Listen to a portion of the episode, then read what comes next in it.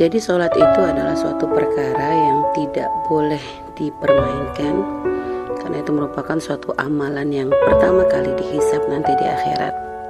Kadang sebagian orang menganggap yang penting syahadat, nggak sholat nggak apa-apa, jangan main-main. Itu adalah bentuk peremehan seorang hamba kepada Allah. Kalau kita belajar dari kisah, iblis itu adalah termasuk makhluk yang ada di dalam surga. Sampai dikatakan tidak ada satu petak di dalam surga kecuali sudah digunakan oleh iblis itu untuk bersujud kepada Allah. Akan tetapi iblis itu dengan ibadahnya bukan menjadikan dia tuh taat kepada Allah. Di dalam Al-Qur'an diceritakan Allah merintahkan para malaikat dan iblis sujud kepada Nabi Adam.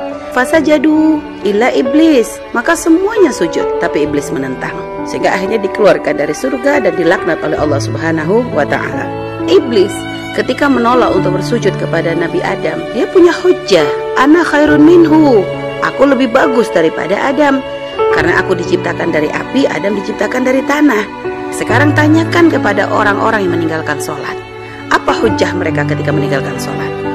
Karena ketika mereka menolak untuk bersujud kepada Allah, karena termasuk rukunnya sholat itu adalah sujud.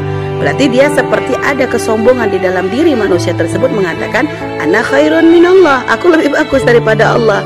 Sehingga mereka tidak mau bersujud kepada kepada Allah. Padahal iblis, iblis tidak menolak ketika bersujud kepada Allah, tapi dia menolak ketika disuruh sujud kepada Nabi Adam karena menganggap dirinya lebih baik dari Nabi Adam.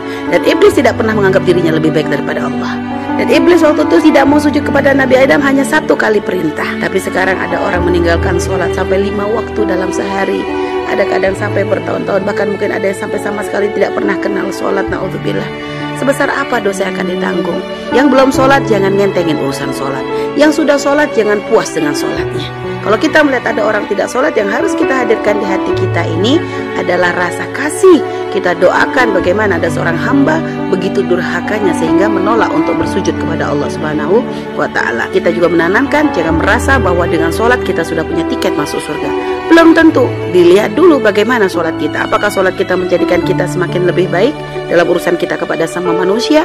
Karena Nabi sudah mengisyaratkan ada orang ahli ibadah tapi ternyata urusan manusia tidak baik dengan tetangga ribut, maka dikatakan ahli nar.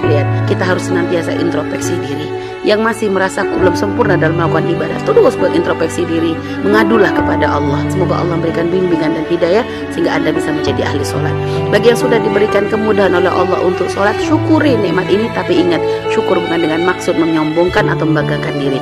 Syukuri karena di antara sekian hambanya ada banyak hamba yang tidak sholat tapi anda dipilih oleh Allah untuk menjadi orang yang sholat lalu tingkatkan terus. Jangan pernah merasa cukup. Kita harus selalu merasa kurang dan tidak sempurna sehingga terus kita akan berusaha memperbaiki diri kita kita. Semoga Allah membimbing kita semuanya.